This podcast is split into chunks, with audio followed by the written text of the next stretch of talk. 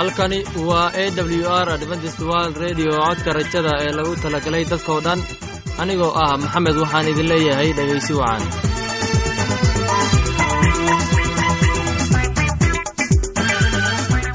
Maanta waxaynu si qaas ah kugu soo dhoweynaynaa barnaamijkan barnaamijkan wuxuu ka kooban yahay laba qaybood. Qaybta koowaad waxaad ku maqli doontaan barnaamijka caafimaadka. Uu inoo soo jeedinaya maxamed. Kadib waxaa inoo raacaya cashar inaga imaanaya bugga nolosha. Uu inoo soo jeedinaya cabdi. Labadaasi barnaamij ee xiisaha leh waxaa inoo dheer heeso dabacsan oo aynu idiin soo xulnay kuwaasoo aynu filayno in aad ka heli doontaan. Dhegaystayaasheena khadradda iyo sharafta lahow waxaynu kaa codsanaynaa inaad barnaamijkeenna si haboon a u dhegaysataan. Haddii aad wax su'aalaha qabtid ama aad haysid wax fikrad ah fadlan inala soo xiriir. Dib ayaynu kaaga sheegi doonaa ciwaankeenna bal intaynan u guudagelin barnaamijyadeena xiisaha leh waxaad marka hore ku soo dhowaataan heestan daabacsan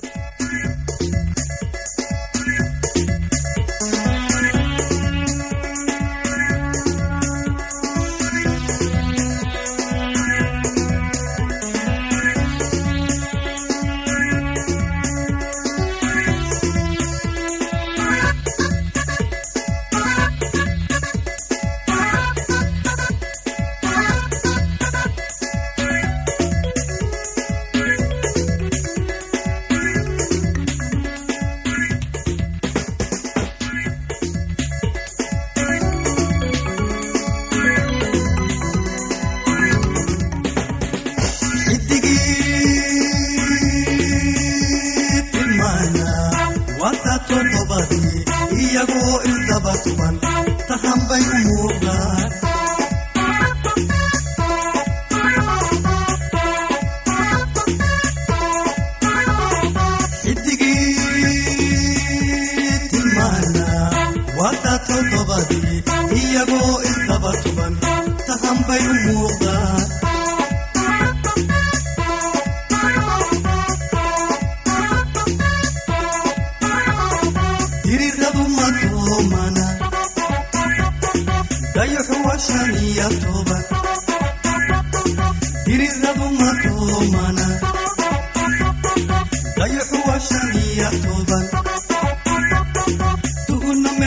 ummati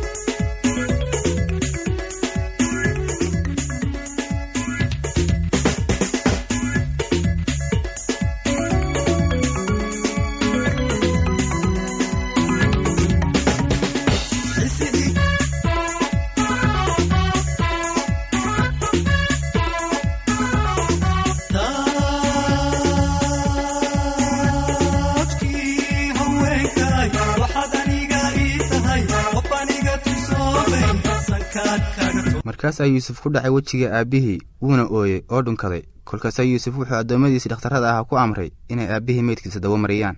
Markaasay dhakhtarradii israa'iil daawo mariyeen oo waxa u dhammaaday afartan maalmood. Waayo sidaasay maalmaha daawomarintu ugu dhammaan jireen. Masriyiintu waxay isaga u ooyeen toddobaatan maalmood oo markii maalmihii loo ooyeyey isaga ay dhammaadeen ayaa yuusuf la hadlay wareerkii fircoon oo wuxuu ku yidhi waan idin baryayaa haddaad haatan raalli iga tihiin fircoon iila hadla oo waxaad ku tidhaahdaan aabbahay baa idhaariyey oo wuxuu igu yidhi bal eeg waan dhimanayaa ee waxaad igu aastaa qabrigii aan ka qotay dalka kancaan. Haddaba waan ku baryayaa ii fasax inaan tago aan aabbahay soo aaso. Oo haddana waan soo noqon doonaa. Markaasaa fircoon ku yidhi tag oo aabbaha u soo aas siduu kugu dhaariyey. Markaasaa yuusuf tegey inuu aabbihii soo aaso oo waxaana isagii raacay addoommadii fircoon oo dhan iyo odayaashii reerkiisa iyo odayaashii dalka masar oo dhan iyo reerkii yuusuf oo dhan iyo walaalihiis iyo reerkii aabbihiis waxaa keliya ay dalkii goshan kaga tageen dhallaankoodii iyo adhigoodii iyo lo-doodii waxaana isagii raacay gaari fardoodyo iyo fardooley oo waxay ahaayeen guuto aad u weyn. Markaasaa waxay yimaadeen goobtii haruurka laga tumi jiray oo aataad iyo webi urdun ka shishaysay oo halkaasay ku baroorteen baroor aad u weyn oo daran.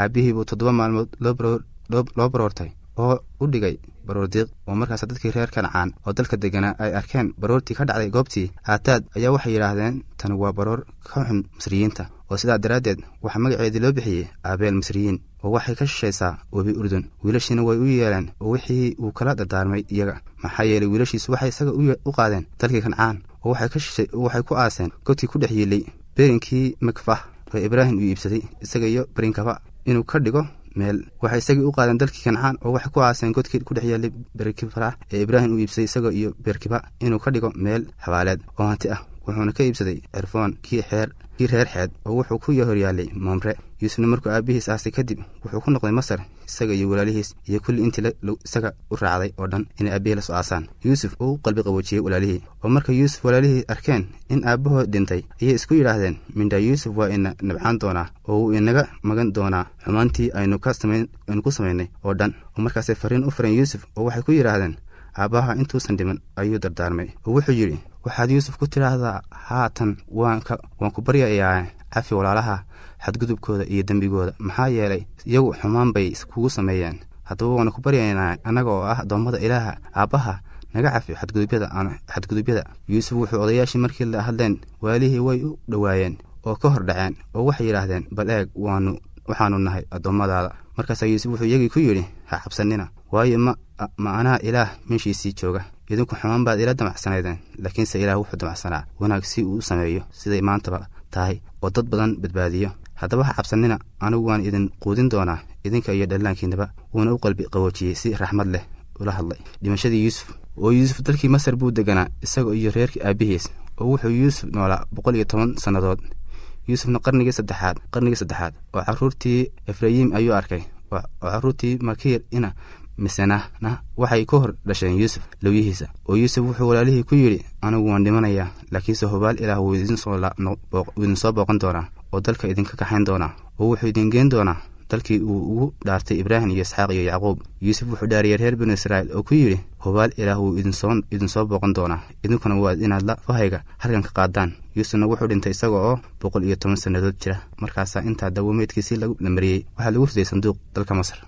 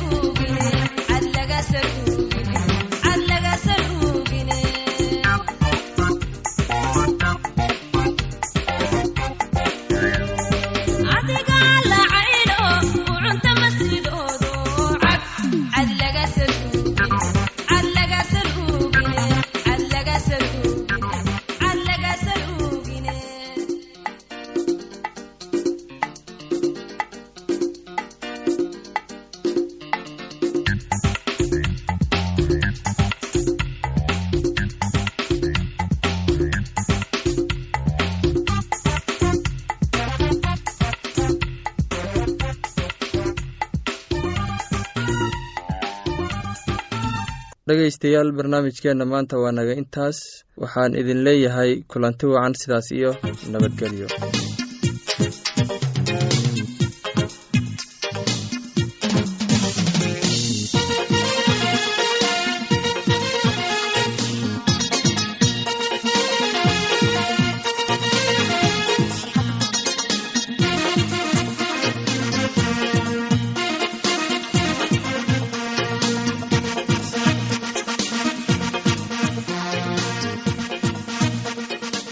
dabcan waxaan filayaa in aad casharkaasi si habboon ah u dhegaysateen.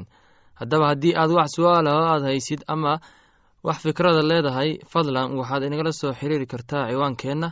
Codka rajada sanduuqa boostada afar laba laba lix todoba nairobi kenya. Mar labaad ciwaankeenna waa codka rajada sanduuqa boostada afar laba laba lix todoba nairobi kenya. Waxaa kaloo inagala soo xiriiri kartaa emeilka somali e w r at yahu dt com mar labaad imeilka waa somali e w r at yahu com. Haddana waxaad ku soo dhowaataan heestan daabacsan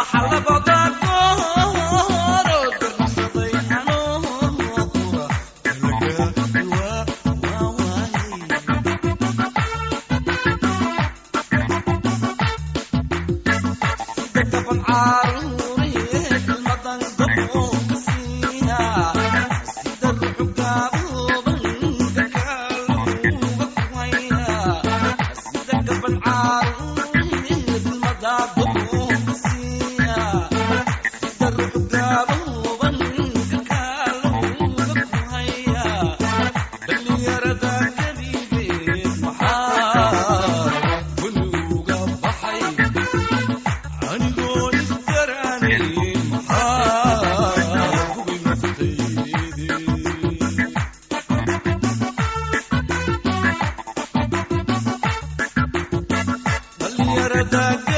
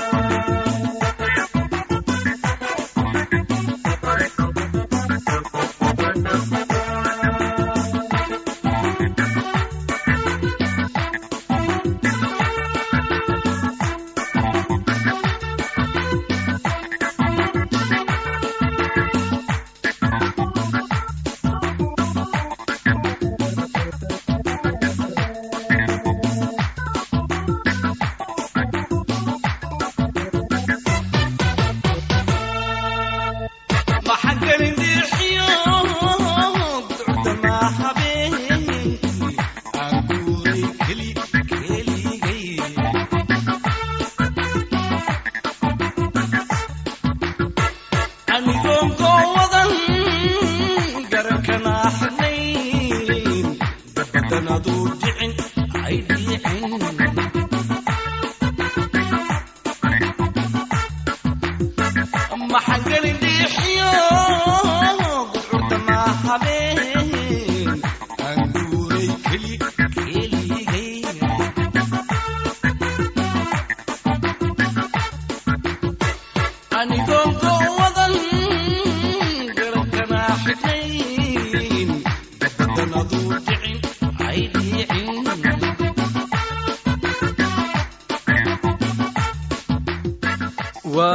hagaag waxaan filayaa inaad ka hesheen heestaasi oona dhegiina raaciseen.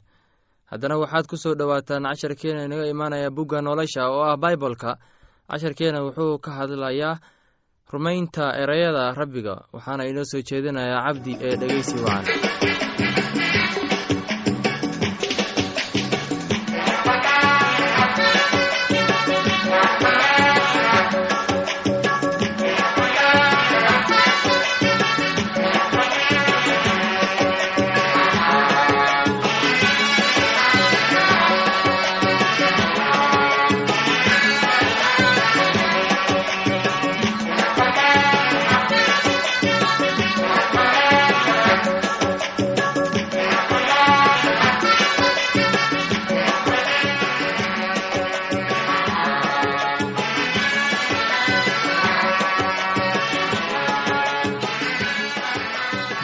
dhegaystayaal waxaan maanta idiin soo gudbin doonaa cashir ku saabsan kitaabka quduuska ama baybalka waxaynu ka hadli doonnaa waa inaynu addeecno ereyga eebbe dhegaystayaal bal iminka aynu qisadii muuse ku noqonno.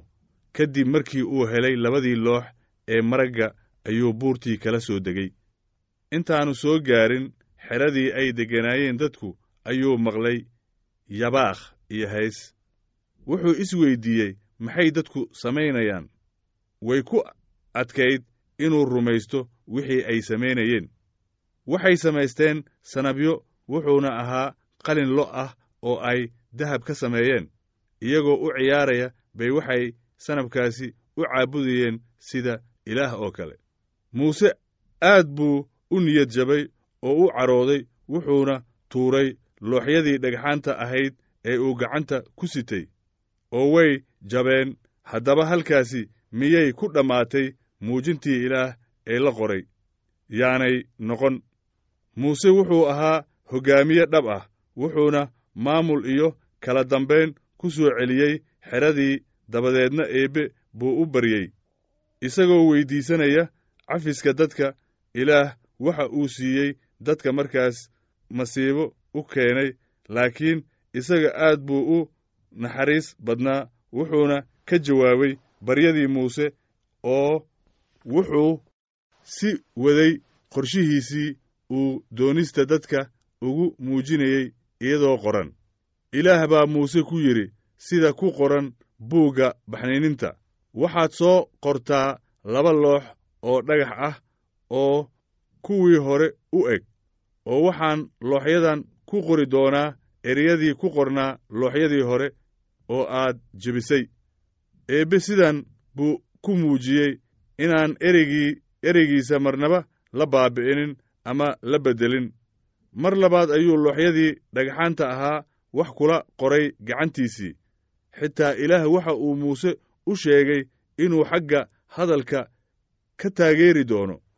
Taasi waxa weeye in uu ka dhowri doono in qaladaad uu sameeyo waxaa markaasi xaqiiqo inoo noqonaysa in ereyga eebbe aanun ahayn wax qalad ah muuse wuxa uu marar badan sheegay in hadallada qoran ee ilaahay ay yihiin wax qaali ah oo dadkiisu haystaan. Qorninka ilaah buu ka yimid oo ilaah baana dhowraya weligiis. Ilaah keenay wuu awoodaa badan yahay oo wuxuu awoodaa in uu dhowro hadalladiisa wax kastoo dhacaba ama xaalad kasta oo lagu jiro. Sida aynu aragnay eebbe waxa uu horay ugu xaqiijiyey hadalladiisa calaamooyin la yaab leh iyo mucjisooyin. Waxa uu yidhi hadalladayda waa amaradayda ay leeyihiin farac kasta. Dhegaystayaal casharkeenna maanta waa naga. Intaas waxaan idin leennahay sidaas iyo nabadgelyo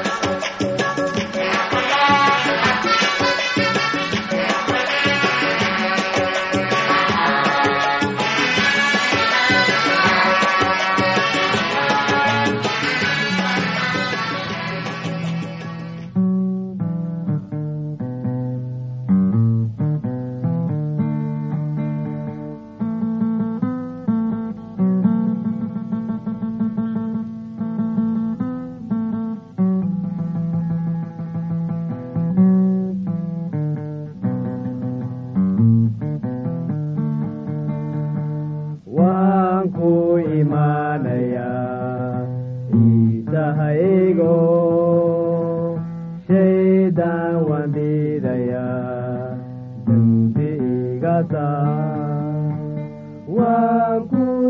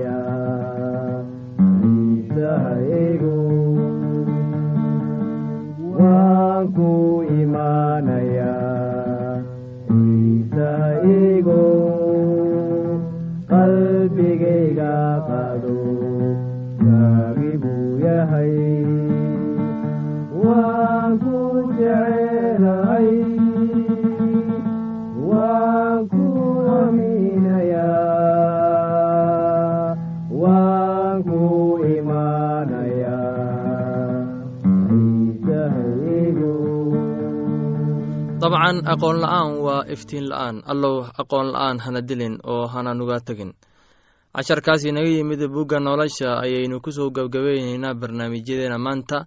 Halka aad inagala socotiin waa laanta afka soomaaliga ee codka rajada ee lagu talagalay dadkao dhan. Haddaba haddii aad doonayso in aad wax ka korsato barnaamijka caafimaadka ama barnaamijka nolosha qoyska ama aad doonayso inaad wax ka barato bugga nolosha oo ah baibolka fadlan inala soo xiriir adoo waraaqaha ku soo hagaajinaya codka rajada sanduuqa boostada afar laba laba lix todoba nairobi kenya mar labaad ciwaankeenna waa codka rajada sanduuqa boostada afar laba laba lix todoba nairobi kenya. Waxaa kaloo inagala soo xiriiri kartaa emeilka somali e w r at yahu dt com. Mar labaad emeilka somali e w r at yahu dt com. Anigoo ah maxamed intaan mar kale hawada dib ugu kulmayno waxaan idinkaaga tegaynaa heesta soo socota. Sidaas iyo nabadgelyo